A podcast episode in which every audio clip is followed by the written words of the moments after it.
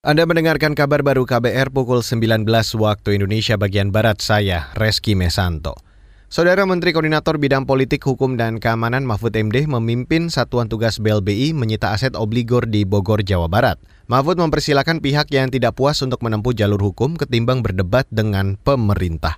Itu sesudah ini nanti akan ada yang protes, menyatakan keberatan, baik langsung maupun melalui pengacaranya itu silakan saja. Pokoknya kita sudah 24 tahun membiarkan utang dan selalu berdebat. Sekarang pemerintah tidak mau berdebat, sita. Kalau tidak puas, ada jalur hukum.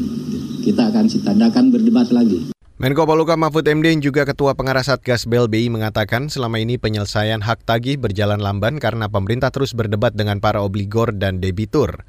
Hari ini Satgas BLBI menyita aset di Kelurahan Sukaraja, Kecamatan Sukaraja, Kabupaten Bogor.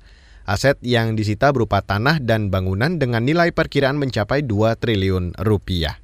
Beralih ke berita selanjutnya, Saudara. Gubernur DKI Jakarta Anies Baswedan berharap daerah penyangga ibu kota ikut mengurangi polusi udara.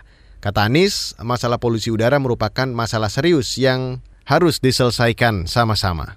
Jadi kita e, lakukan langkah-langkah untuk mengurangi emisi di kota kita dengan transportasi umum dibangun dan alhamdulillah peningkatan penumpangnya tinggi sekali. Yang kedua adalah dengan uji emisi sambil pada saat yang sama kita juga berharap kawasan-kawasan sekitar Jakarta itu ikut mengurangi karena ketika terjadi polusi udara di tempat mana pun bisa terbawa ke Jakarta sebagaimana juga kalau ada polusi di Jakarta bisa terbawa keluar Jakarta. Gubernur DKI Jakarta Anies Baswedan mengklaim telah menggenjot pembangunan transportasi umum di ibu kota.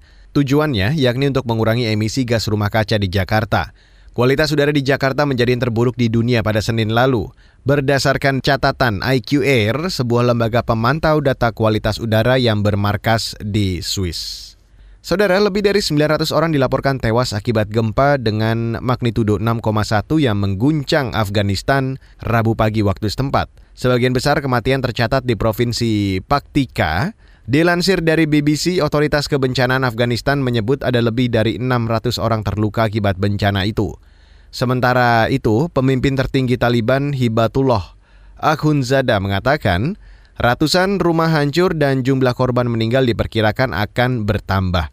Guncangan terasa hingga jarak 500 km dari pusat gempa. Saksi mata mengatakan guncangan gempa terasa hingga ibu kota Afghanistan, Kabul. Dan saudara, demikian kabar baru saya Reski Mesanto.